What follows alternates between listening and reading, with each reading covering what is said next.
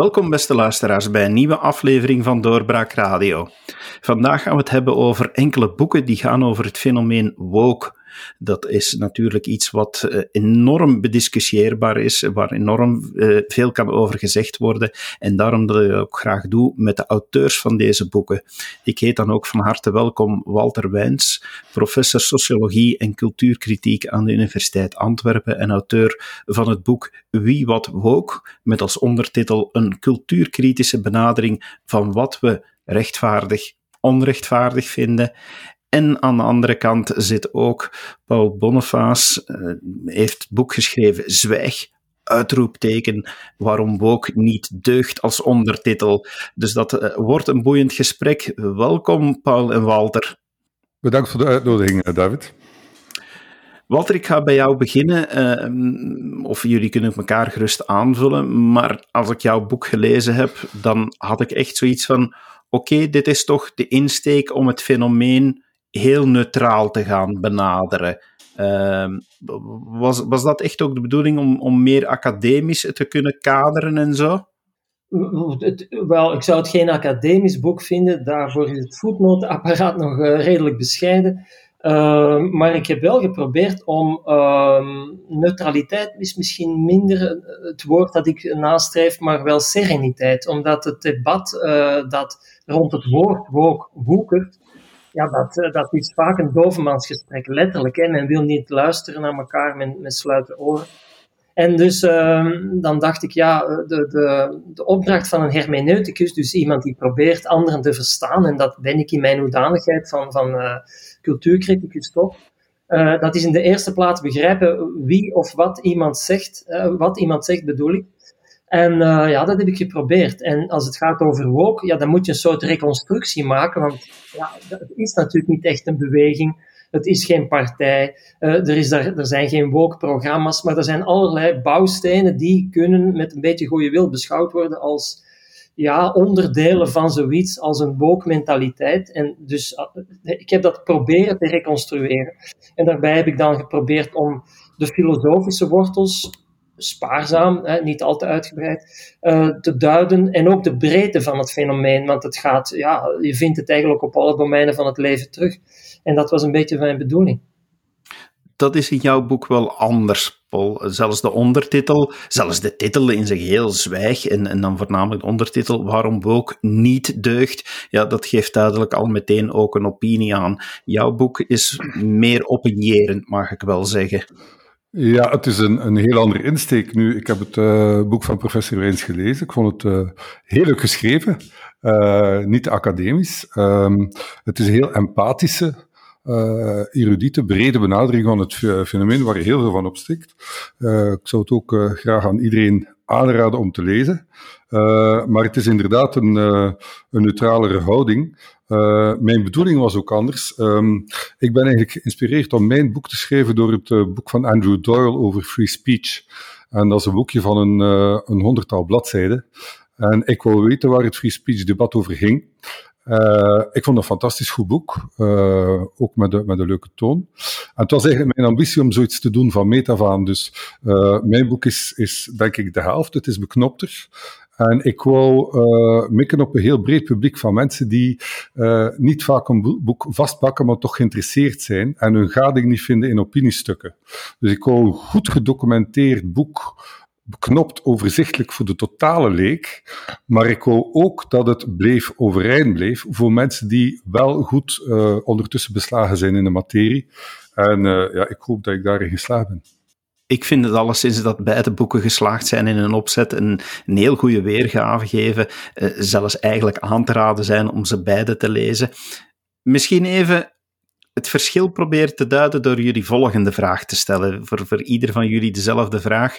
Probeer nu eens het begrip woke te definiëren. Als je dat nu moet doen in ja, een aanvaardbaar tijdsbestek hier in deze podcast, wat zeg je dan? En Paul, ik ga het eerst aan jou vragen. Ach, er zijn uh, tientallen verschillende manieren om de woke-ideologie te duiden, maar als u het mij heel beknopt vraagt, dan is het een uh, neomarxistische ideologie, gecombineerd met postmoderne retoriek uh, en identitaire versplintering. Het is eigenlijk een, een, obsessie om het leven en de geschiedenis van de mensheid te zien als een machtsstrijd tussen onderdrukkers en onderdrukten. De onderdrukkers, dat zijn dan altijd de blanke heteroseksuele mannen. En het is volgens mij een, uh, een, een, negatieve manier om naar het leven te kijken en een zeer ongezonde manier om over uzelf en over de, de maatschappij na te denken. En Walter, hoe ga jij het omschrijven? Ja, dat is een, eh, een heel, uh, Paul, dat is een heel duidelijke omschrijving, heel helder. Uh, maar inderdaad, onmiddellijk al duidend. Ik zou het neutraler willen omschrijven als uh, het uh, groeiend bewustzijn van een, bij een aantal minderheden dat de wereld onrechtvaardig in elkaar steekt. En dat je soms die onrechtvaardigheden, uh, dat die verborgen zijn en dat die moeten onthuld worden. dat er daar een invloed is vanuit het conflictdenken, geïnspireerd door Marx, dat is zo. Dat er daar een vijandbeeld gecreëerd wordt, namelijk die witte man, dat is zo maar dat lijken mij misschien eerder afgeleiden. Dat, dat zijn de instrumenten waarvan die woke-beweging uh, uh, zich bedient. Uh, maar de, de impuls, en daarom heb ik inderdaad misschien een meer empathische houding ten aanzien van die beweging. De impuls waar ze van vertrekt, dat is de vaststelling dat er heel wat scheef zit in de wereld, dat er veel onrechtvaardigheid bestaat. En dan natuurlijk kun je beginnen schiften. Hoe maken zij hun analyse? Is dat wel terecht, dat vijandbeeld dat ze creëren? En daar kun je natuurlijk heel wat vragen bij stellen. Ja. als ik, mag ik daar even op inpikken, David? Ja, um, rust. De, dat, dat is uh, eigenlijk het, het, fundamenteel verschil in de insteek tussen ons. En uh, wij beginnen van verschillend, uh, verschillende standpunten. En dan kom je altijd automatisch tot verschillende conclusies. Nu, ik vond de, de, de manier waarop uh, professor Wijns het uh, beschrijft uh, heel verrijkend. zelf heel van geleerd en, en met zeer grote empathie. Ehm, doet, doet dat werkelijk op een manier dat ik het niet zou kunnen. Maar ik ben meer, ons fundamenteel verschil lijkt mij, is dat professor Wijns vertrekt van het, het zoeken naar rechtvaardigheid als grond beginsel van uh, deze, dit dogma. Uh, terwijl ik het uh, situeer als een, um, een dogma dat zoekt naar macht. En dat eigenlijk de empathie van de mensen kaapt. En door het feit dat wij vanuit een heel verschillende invalshoek deze manier van denken benaderen, dan kom je sowieso tot andere conclusies. Ik, ik vergelijk het een beetje met ik, ik uh, professor Wijns is de dokter die zegt van, u hebt een gezwel, het heeft goede kanten, het heeft slechte kansen, maar je kunt er best mee leven. Terwijl mijn uh, uh, conclusie na dezelfde diagnose is, hebt een gezwel, we moeten onmiddellijk beginnen met, met, met, bestralen, het is nog niet te ver en we kunnen het nu nog redden. Dat, dat is in feite een beetje de, het verschil in benadering. Wat dat ik alleszins kan eraan toevoegen, is dat ik na het lezen van beide boeken eh, niet anders meer kan zeggen dan dat mijn mening, mijn visie op uh, het hele woke-gebeuren veranderd is door, uh, door jullie boeken te lezen. Ik denk er nu niet meer hetzelfde over zoals enkele maanden geleden. Want toen vertrok ik ook inderdaad van: oké, wat is er mis met zaken zoals sociale rechtvaardigheid en erkennen dat er eh, zeker vroeger dingen misgelopen zijn. Ja, en dat vind ik wel meer eigenlijk bij u terug, Walter, uh, dat, dat, dat je vertrekt vanuit, vanuit die bemerking, maar je steekt het ook niet weg dat er, dat er bepaalde kanten aan zijn die aan het woke gebeuren, die toch ook wel ja, nadelig kunnen zijn of, of waar, waar moet voor opgelet worden? Ja, wel, kijk, het is nou niet zo moeilijk om, ik schrijf het ook denk ik ergens, hè, om, uh, om woke te persifleren, omdat ze vaak bijna en soms erover aan de grens zitten van de zelfpersiflage. Uh, dus daar kun je werkelijk ja, ladingen vol van voorbeelden verzamelen over tot in het absurde doorgedreven zijn van een bepaald standpunt. Dus wat ik eigenlijk heb geprobeerd te doen, dat is inderdaad meedenkend beginnen van een op het eerste zicht volstrekt redelijk en zelfs ja, hoffelijk, of tenminste een lovenswaardig uh, standpunt. Namelijk, het zou beter zijn als er wat meer rechtvaardigheid zou bestaan in de wereld.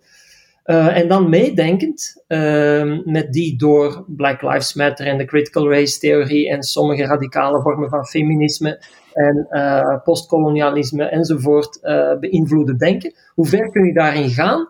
En ik heb dat zo ver gedaan dat ik sommige argumenten nog versterkt heb. Dus dat is eigenlijk ook een, soort oefening van de hermeneuticus. De ander niet alleen proberen te verstaan, maar zijn argumentatie nog, nog een beetje uh, ja, versterken, nog wat, wat aarde aan, op zijn dijk proberen te leggen. Dat heb ik geprobeerd te doen. Dus inderdaad, ja, dat, uh, dan ga je heel ver, maar dan zie je ook wel pas echt wat de uiterste consequenties zijn van dat denken. Hoe bijvoorbeeld antiracisme omslaat in racisme, hoe het streven naar rechtvaardigheid en naar diversiteit omslaat in een soort ja, homogenisering van het denken, uh, het uitschakelen van diversiteit. Dus ik krijg daar een aantal paradoxen. En wat ik tot op, want ik heb me daar natuurlijk net zoals Paul uh, uh, ja, redelijk serieus mee bezig gehouden, maar waar ik heel erg moeilijk de vinger kan opleggen, en wat voor Paul makkelijker is, denk ik, als ik hem zo bezig hoor en als ik stukken lees van hem, onder andere jouw stuk in de tijd, wat ik met veel plezier gelezen heb, ehm, dan um, ik vind het moeilijker om precies de vinger te leggen op waar gaat het nu fout. Uh, Wanneer is er sprake van een ontsporing? Ik vind dat heel mm erg moeilijk. Aan het einde van de rit zie ik wel, oei, er zijn hier een aantal wagons uh, van de sporen gereden. Dat zie ik wel. Maar waar ze nu precies ontspoord zijn, dat vind ik heel erg moeilijk. En het is vandaar dat ik het een heel ambivalent fenomeen vind. Het is uh, eigenlijk om die reden dat ik het, uh, mijn boek begin met, een, uh, met die fameuze quote van Solzhenitsyn dat de scheidslijn tussen goed en kwaad niet gaat, eigenlijk loopt door elk mens een hart, terwijl de woke fundamenteel de scheidslijn tussen goed en kwaad leggen tussen identitaire categorieën. En daar vind ik eigenlijk al van meet af aan een zeer, zeer, zeer gevaarlijke manier van denken. een van de vragen die ik me stelde toen ik het boek van professor Wijns las, op een bepaald moment zegt u dat identitaire politiek niet niet altijd fout moet lopen. Nu, um, mijn kennis daarover is, is nu niet zo breed. Ik ben een geïnteresseerde amateur. Uh, maar dan zou ik graag voorbeelden uh, horen van waar het dan niet verkeerd is gelopen. Want ik ken in de geschiedenis van de voorbije honderd jaar enkel uh, gevallen waar het heel drastisch fout is gelopen. Uh, door linkse identitaire politiek. Um, een tweede zaak die ik even snel wil aanvullen op uw beide vragen en opmerkingen. Ik heb heel veel sympathie voor de maatschappelijke problemen die door de woke worden aangehaald. Ik vind het enkel een compleet foute manier om ermee om te gaan en om ze te beantwoorden. Um, er is inderdaad een, uh, we spreken over het woke en dat is eigenlijk, ik noem dat de aanbodzijde. Er wordt iets aangeboden, maar wat is de vraagzijde? Dat is eigenlijk een, een autonome middenklasse die wegsmelt. En die autonome middenklasse is de basis voor onze democratie. Zonder middenklasse bestaat er geen democratie. Is democratie onmogelijk, want dan evolueren automatisch naar een totalitair systeem.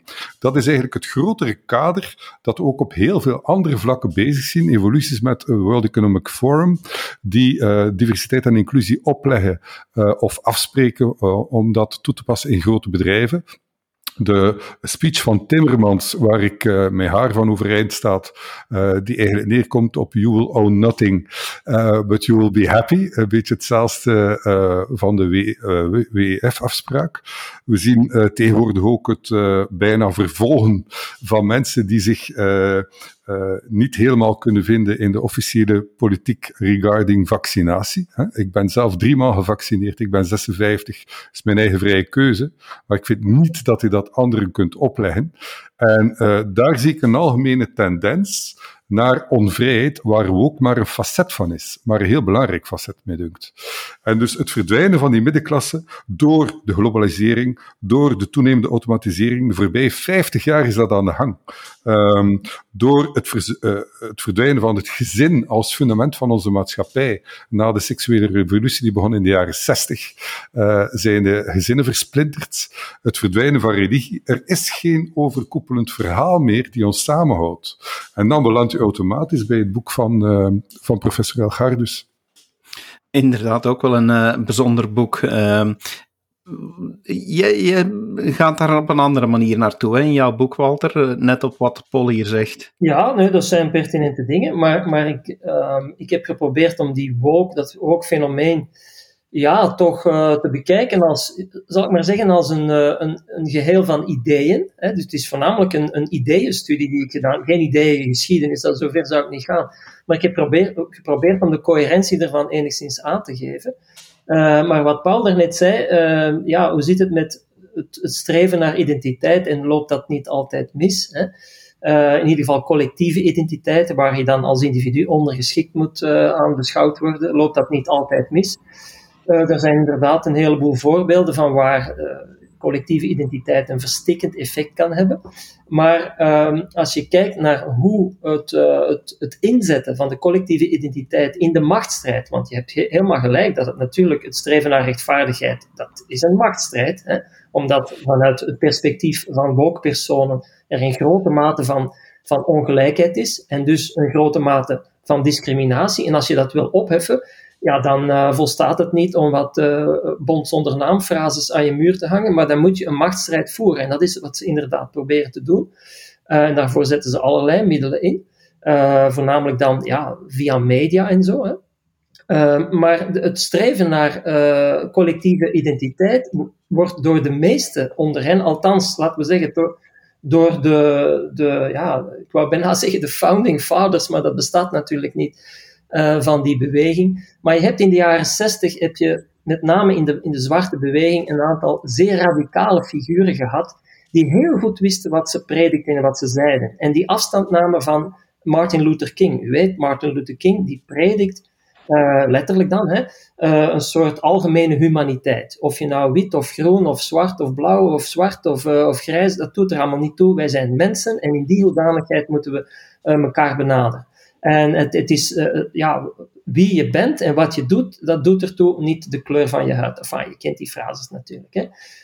Um, en daar hebben een aantal mensen van Black Power uh, afstand van genomen, omdat ze vonden, dit is misleidend. En dat is inderdaad ook een kritiek die je in de 19e eeuw ook aantrof op het uh, burgerlijk liberale denken. Dan zei men, ja, het is, jij hebt het makkelijk uh, om, uh, om, om de, de vrijheden te, te prijzen en te prediken. Maar wat moet ik doen? Ik zonder middelen, ik in een uh, lamentabele toestand, mijn huisvesting lijkt op niks, mijn opvoeding schoot tekort, ik heb niet de scholing gehad die jij hebt gehad. Wat moet ik dan doen?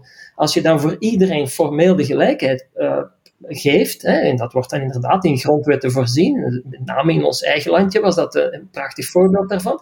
Maar ja, wat heb ik daaraan, aan die vrijheid die ik niet kan benutten, terwijl jij als begoede persoon dat wel kunt benutten. En daarom, vanuit die redenering, uh, hebben, of een gelijkaardige uh, analoge redenering, hebben dan die, die radicale zwarte activisten gezegd, kijk eens, we moeten niet streven naar een, meteen streven naar een samenleving waar uh, ras ontkend wordt. Integendeel, je moet nou eventjes de identiteit van het ras op scherp stellen. En je moet met name die blanken, of zoals zij dan, wij dan als, als Nederlandstalige, Nederlandstalige woke-personen zouden zeggen, witte mensen, die moet je wijzen op hun gepositioneerd zijn als, uh, een, als, als een bepaald ras. En dan pas kun je het gevecht aangaan dat nodig is om tot een soort ja, gelijk speelveld te komen, van waaruit je dan inderdaad als individu kunt ja, floreren en iedereen zijn gang gaan. Dus je kunt zeggen, die identitaire beweging is geen doel op zich. Moest het dat zijn, ja, dan zou het een heilloos spel zijn. En ik moet wel beamen dat een heleboel ja, uh, woke mensen inderdaad in dat bedje ziek zijn. Hè? Dat is heel zeker zo. Uh, en dan kom je tot van die abs absurde, tot van die redelijk, ja, gevaarlijke standpunten dat er niet zoiets bestaat als één waarheid, maar dat je vele waarheden hebt al, naar gelang de groepen waartoe je behoort. En dat er dus inderdaad een versplintering is. Dat is uh, wat erin is, ja. ja, precies. Hè. Dus dat is inderdaad wel een standpunt dat filosofisch heel interessant is, maar als je dat op de, op de straat gooit, wordt dat natuurlijk al snel een scheldpartij. Hè. Um, maar dus wat ik wil zeggen is dat die, uh, die, het inzetten van uh, de notie collectieve identiteit is eigenlijk een strategisch, of een, misschien zelfs maar een tactisch hulpmiddel om te komen tot een, ja, tussen een betere mensheid. Maar indien dat als een einddoel zou beschouwd worden, ja, dan, dan, is het, dan zijn we terug naar een soort stammenmaatschappij. Maar daar zitten we inderdaad met het utopische doel, en dat leunt toch heel snel aan tegen de, de neo-marxistische roots en de critical theory. Um, uh, om, om een critical theory te hebben, heb je eigenlijk, moet je vertrekken van een utopisch doel, vind ik altijd gevaarlijk. Uh, moet je ten tweede vaststellen dat de, uh, het, het, traject waarop de maatschappij actueel zit niet naar dat utopische doel leidt. En heb je praxis nodig, dus activisme. Dat, uh, dat, dat schema herken je heel duidelijk in die, die woke-beweging. Dus dat is die, volgens mij die neo-marxistische roots. Nu, ik vond het enorm uh, boeiend en interessant. Ik heb uh, proberen het afgelopen twee jaar heel veel te lezen over woke. En het boek van professor Wijns is de eerste keer dat ik zo die piste met Black Power en Stokely Carmichael en zo vermeld ziet. Ik vond dat heel verrijkend en, en interessant. Maar er is een, een, wezenlijk verschil inderdaad tussen de Martin Luther King, die een christelijke predikant was, uh, en die eigenlijk wou het lot van zijn uh, doelgroep verbeteren binnen de contouren van onze westerse liberale democratie. En de Black Power beweging, uh, die inderdaad heel nauw aansluit bij de woke, die eigenlijk van oordeel zijn dat onze westerse liberaal democratie weg moet, of het systeem aan zich niet deugt. Uh, en dat uh, omdat het gedomineerd is door de witte man, omdat dat machtsstructuren zijn. En dan, heb je, dan kan je het eigenlijk meer zien, maar uh, ik begreep dat professor Wijns het daar niet mee eens is. Ik zie het eigenlijk eerder als cultuurmarxisme 2.0. Een, een, een neomarxistische ideologie die gecombineerd wordt met postmoderne retoriek uh, in een bedje van identitaire versplintering. Uh, ik vind dat drie zeer gevaarlijke ideeën die gecombineerd worden. En ik verwacht daar dus geen, geen goed van. Hè. Um, nog een laatste punt dat mij opviel in het boek van professor Wens, ik had het nooit zo bekeken, uh, dat in Antwerpen de afdeling diversiteit en inclusie heel andere accenten legt dat je verwacht en dat het eigenlijk in die zin zou kunnen bekeken worden als uh, niet woke, omdat ze geen nadruk leggen op de witte mens, integendeel meer uh, op de vrijheid van gender enzovoort enzovoort, wat dan zou uh, meer gevoelig liggen bij de islamitische deel van de bevolking. als, ik, als dat een correcte weergave is van uw standpunt.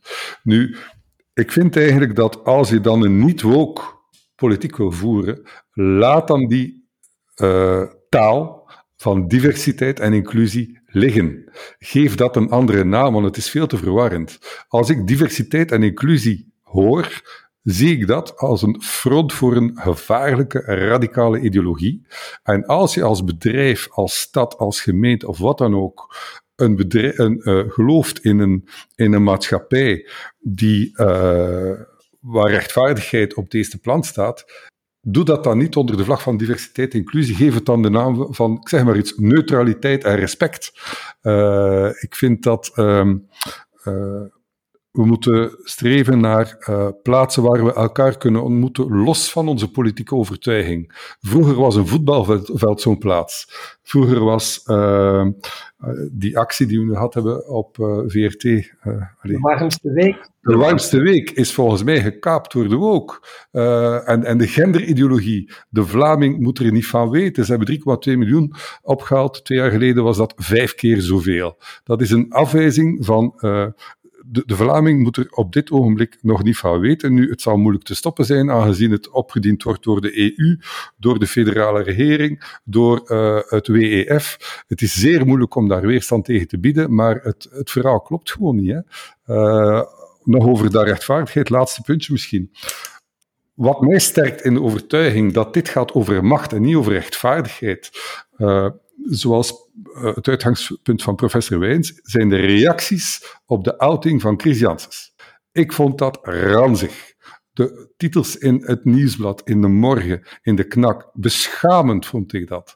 En daar zie je dan dat het helemaal niet gaat over de warmste week of over rechtvaardigheid. Het gaat over het, het, uh, het, het principe van het dogma.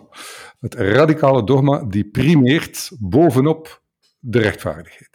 Ja, het is zeker zo dat, wapen, dat uh, woorden soms meer fungeren als wapens dan als middelen tot wederzijds begrip.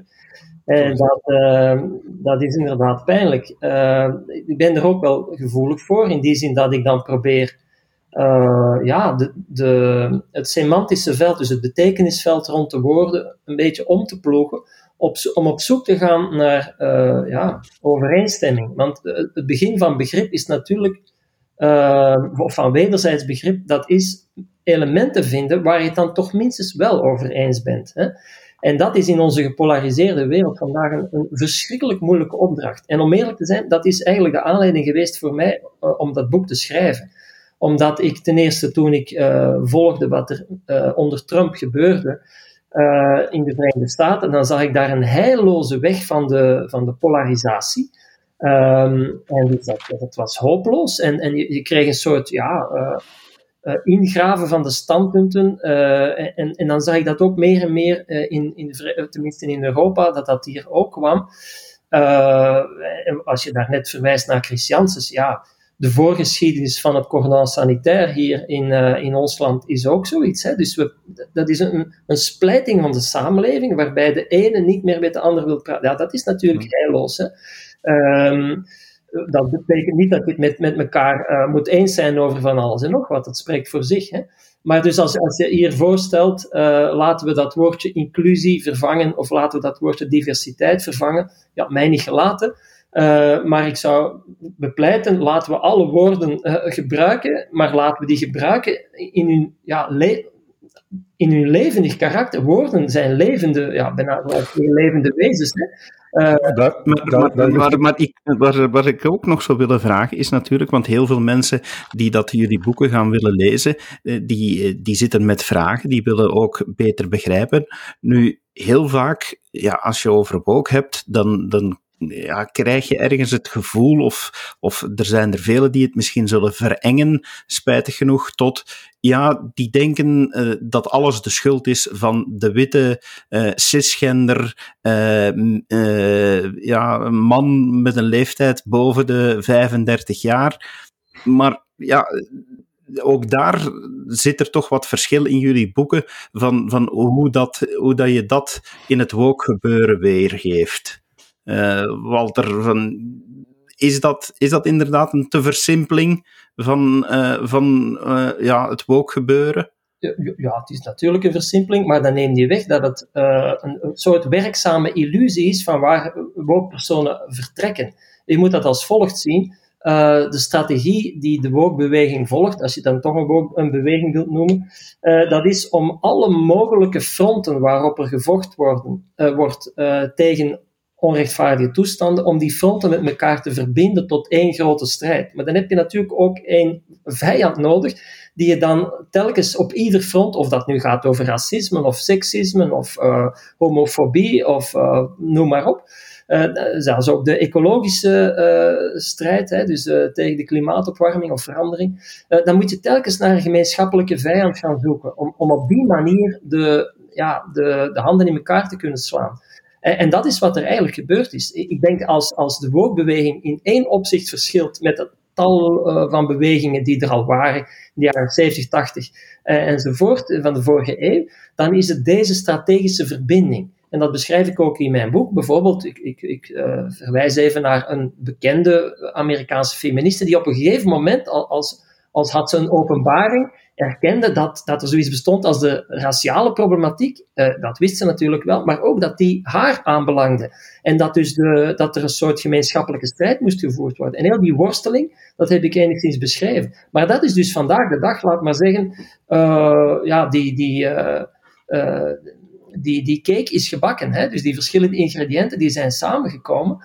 Um, en dat maakt natuurlijk dat dat simpele denken in termen van de witte vijand, dat dat ja, dat is niet helemaal uit de lucht gegrepen. Dat is inderdaad een soort strategisch hulpmiddel om, om de strijd te kunnen voeren. Ja, Paul, jij, jij hebt het daar echt over, over een vijandsbeeld ook, hè? Ja, uh, uh, de woke noemen zichzelf een beweging. In Critical Race Theory, bladzijde 2, uh, boek van Stefancic, dat was een van de mannen die erbij was in 1989, omschrijven ze zichzelf als een movement, een beweging. Dus uh, dat is toch een, een, heel belangrijk werk. Critical Race Theory, an introduction. Uh, op deze bladzijde staat het al te lezen. waar ik een, een andere opinie heb dan de professor, maar nogmaals, ik ben heel blij met zijn boek, ehm, is over de mogelijkheid tot dialoog met de woke. Uh, en daar zit ik op dezelfde lijn met uh, John McWhorter, die je ook citeert in het boek. Uh, die zegt van het heeft geen enkele zin om met een woke activist discussiëren, want je moet het eigenlijk zien als een religieus fenomeen. En het, als het aanhangers van een dogma, en daar kan je niet mee discussiëren. Dat is ook de lijn die ik volg in mijn boek.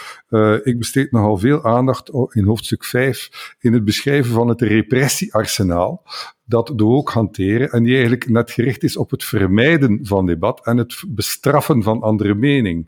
Dat is geen uh, it's a feature, it's not a bug. Dat is geen toevallig nevenverschijnsel, dat is inherent aan het fenomeen om mensen die uh, voor de minste transgressie, omdat u een woord gebruikt die vorige maand nog uh, niet taboe was, maar die plots een andere betekenis heeft gekregen, omdat u een fout mopje maakt, is uw carrière om omdat u iets getweet hebt tien jaar geleden raakt u niet meer aan een job. Er is een gans arsenaal van uh, repressie en intimidatie die eigen is aan dit fenomeen en die ik in een liberale democratie onaanvaardbaar vind. Ja, uh, als je kijkt naar de middelen die worden ingezet en inderdaad als je kijkt naar de relatief onschuldige ja, noem het dan toch maar even misstapjes of, of foute grapjes of zoiets. Als je kijkt welke gevolgen daar soms aan worden gegeven, vooral in de Verenigde Staten neemt dat toch nogal wat uh, ja, onrustwekkende vormen aan. Dat is zeker, zeker zo. En dat schijnt ook iets enigszins toe te nemen hier. Dus dat is, uh, dat is heel zeker waar. Um, natuurlijk, uh, het gaat in, de woke-strijd ook om representatie. Dat wil zeggen, zij willen meer gehoord worden. Er moet meer kleur, niet alleen op straat, maar ook kleur in de media en kleur in de kanons en kleur in de curricula en kleur uh, in, de, in de, de board, uh, de, de, de kamers waar de beslissingen genomen worden. Um, en dus ja, dan betekent dat dat er ook anderen zijn die moeten verdwijnen. Dus als je, je kunt niet een machtsevenwicht of onevenwicht herstellen en tezelfde tijd de, de, de, de, machthebbers van vroeger gewoon weg laten zitten. Dus ik begrijp wel dat als je, als je in termen van machtsbalansen denkt, als je bijvoorbeeld zegt, kijk, vrouwen moeten gelijke macht hebben, of evenveel macht hebben uh, als, als mannen, ja, dan betekent dat dat er wat stoeltjes moeten voorbehouden worden voor vrouwen. Maar ik denk, dan, dan, dan, dan, blijft het steken. Maar iets anders is de, de soms, ja, um, de, de, de, de, ja, ik, ik, ik, heb eventjes de vergelijking gemaakt met de rode gardisten en hier en daar eh, gaat het in die richting. Hè. Dus de zeer felle afrekeningen die volstrekt geen rekening houden met de concrete levensomstandigheden, nog met de context waarin iets geplaatst wordt, maar die van een, van een, ja, een futiliteit dan een, een groot drama maken en daar dan geweldig grote gevolgen aan willen verbinden. Dat is natuurlijk inderdaad wel, wel kwalijk. Uh, en ik ben het helemaal met jou eens, Paul, dat uh, ja, dat wanneer uh, meningen niet langer kunnen geventileerd worden, dat dat niet goed is, niet goed voor de democratie, dat is ook niet goed voor de betrokkenen. Hè? Uh, dus dat is eigenlijk, daar word je een minder goede mens van. En dus wat wij zouden moeten nastreven, dat is een geciviliseerde manier om met elkaar van mening te blijven verschillen. Wat dus inderdaad wil zeggen dat je toch voldoende gemeenschappelijks moet, moet kunnen blijven koesteren. En het is in dat opzicht inderdaad wel een serieus gevecht dat er vandaag gevoerd wordt, voor en tegen ook. Want het gaat hier over wat is de mens en, en hoe, wat voor beeld heb je van de mens? Is de mens iets wat je, waar je nog over kunt spreken? Is dat een abstractum dat een zinvolle betekenis heeft? Of is de mens niet meer dan een abstractum dat gebruikt wordt door de machthebbers om, om zwarten en vrouwen maar tot halve mensen te verklaren? Dat is at stake vandaag. Hè? Uh, dus mm. ja, dat is, dat, dat is natuurlijk geen klein bier. Um, dus ja, ik weet ook niet welke richting het gaat uitgaan, maar ik hoop alstublieft niet dat de campussen er binnen tien jaar bij ons zo gaan uitzien als nu op sommige Amerikaanse campussen, want dat is huilen met de pet op. Hè. En, en, daarom is mijn boek meer geformuleerd als een waarschuwing, omdat ik heel veel beïnvloed ben door wat er Brett Weinstein is overkomen, Peter Boghossian, uh, al die mensen die daar dan ook op een zeer erudite en, en uh, intelligente manier over communiceren. Nu, uh, over het feit dat dit een US-fenomeen zou zijn en hier veel beperkter, ik denk dat dat actueel wel zo is, maar dat dat heel snel kan omslaan. Als je ziet in welke mate de uh, ideologie of het dogma zich in onze instellingen, uh, vooral hoger onderwijs en media, nestelt. Uh, om een, een, illustratie te geven. in Rusland zijn vorig jaar 400 mensen vervolgd voor haatmisdrijven. 400. Weet u hoeveel het er waren in de UK vorig jaar? Jij gaat dat zeggen, Paul? 3300. Ja. 3300 enkel in de UK voor haatmisdrijven, 400 in Rusland. Nou, dat zijn uh, uh, verifieerbare feiten waar ik toch een klein beetje uh, die tegenspreken dat het een US-fenomeen is die tot daar beperkt zou blijven. Wat de pariteit mannen en vrouwen betreft, heb ik man of twee geleden een, een heerlijke boek uh, gelezen van The Boy Crisis, van een van de boegbeelden van het feminisme uh, een jaar of veertig terug. Um, en die uh, argumenteert van, misschien zijn vrouwen gewoon slimmer.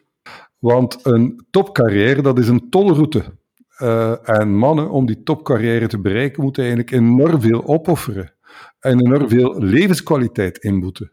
En misschien zijn vrouwen gewoon slimmer dat ze dat niet willen doen en dat ze andere keuzes maken. Dus ik begrijp die obsessie niet, dat een boardroom moet 50-50 mannen-vrouwen zijn, want dan kun je zeggen, ja, er moeten ook zoveel homo's en er moeten zoveel trans. En laat ons ook de gehandicapten niet vergeten. En hoe ver ga je gaan om de maatschappij zo te gaan verdelen? Het criterium moet meritocratie zijn. En ik, wil geen, ik zou geen vrouw willen zijn in een omgeving van quota, dat de rest van de maatschappij moet twijfelen, zit je daar nu op die stoel omdat je borsten hebt of omdat je brains hebt? Want uh, dat is de vraag die je bij quota moet stellen. Hè?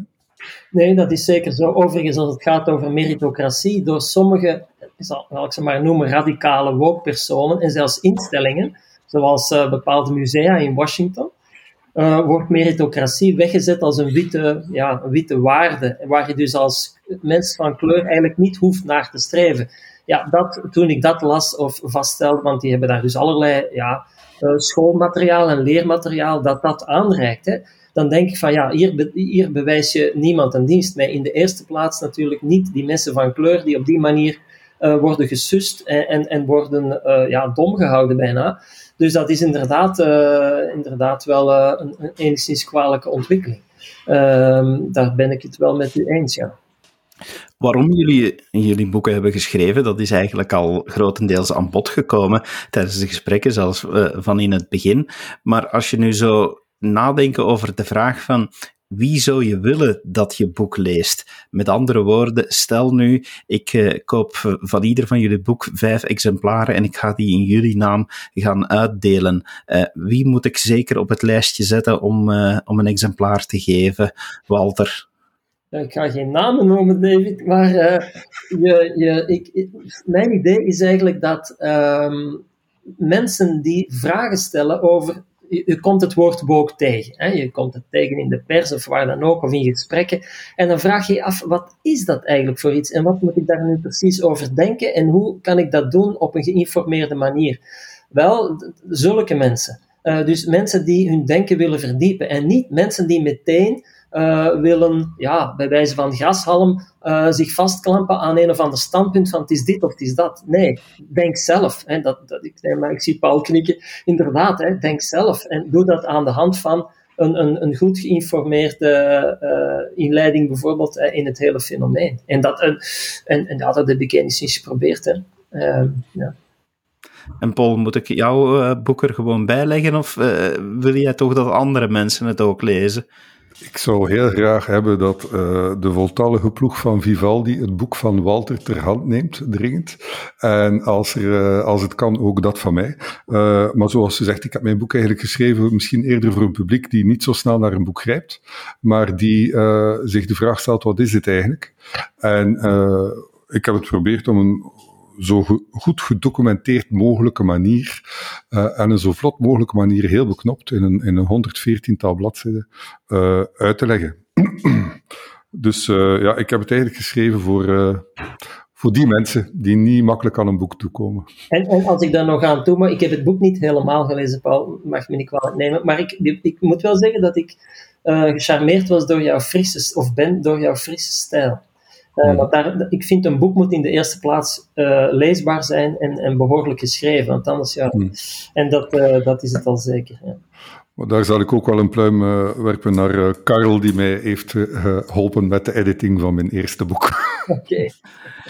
ik, kan, ik kan zeker tot slot zeggen dat beide boeken meer dan de moeite waard zijn, zeer leesbaar zijn, inderdaad een andere benadering hebben, maar eigenlijk ja, als bundel bijna zouden moeten verkocht worden. Er zou misschien dan eventueel nog een derde bij moeten, uh, die wat aan, aan, de andere kant van het spectrum nog zit, om een mooi geheel te vormen. Maar uh, zeker aan te raden, wie wat woog en zwijg, uh, allebei te kopen in de shop van boeken.doorbraak.be. En neem zeker ook een kijkje op boeken.doorbraak.be schuine streep wook voor een interessante aanbieding van beide boeken. Heren, dank je wel dat jullie een toelichting hebben willen geven uh, bij jullie oeuvre, uh, bij, bij hetgeen wat jullie neergepend hebben. Dank je wel, Paul. Dank je wel, Walter. Bedankt, het was een heel fijne kennismaking. Bedankt ook, Paul. En u luisteraar, bedankt om te luisteren. Zoals ik al zei, zeker aan te bevelen boeken. Als u een boekenbon hebt gekregen eh, voor de feestdagen, gebruik hem dan om deze twee boeken aan te schaffen. Veel plezier nog met onze volgende podcasts. Tot later. Dag. Dit was een episode van Doorbraak Radio, de podcast van doorbraak.be. Volg onze podcast op doorbraak.be/radio of via Apple Podcasts, Overcast of Spotify. Bezoek ook onze website op doorbraak.be en steun ons door een vriend te worden van Doorbraak.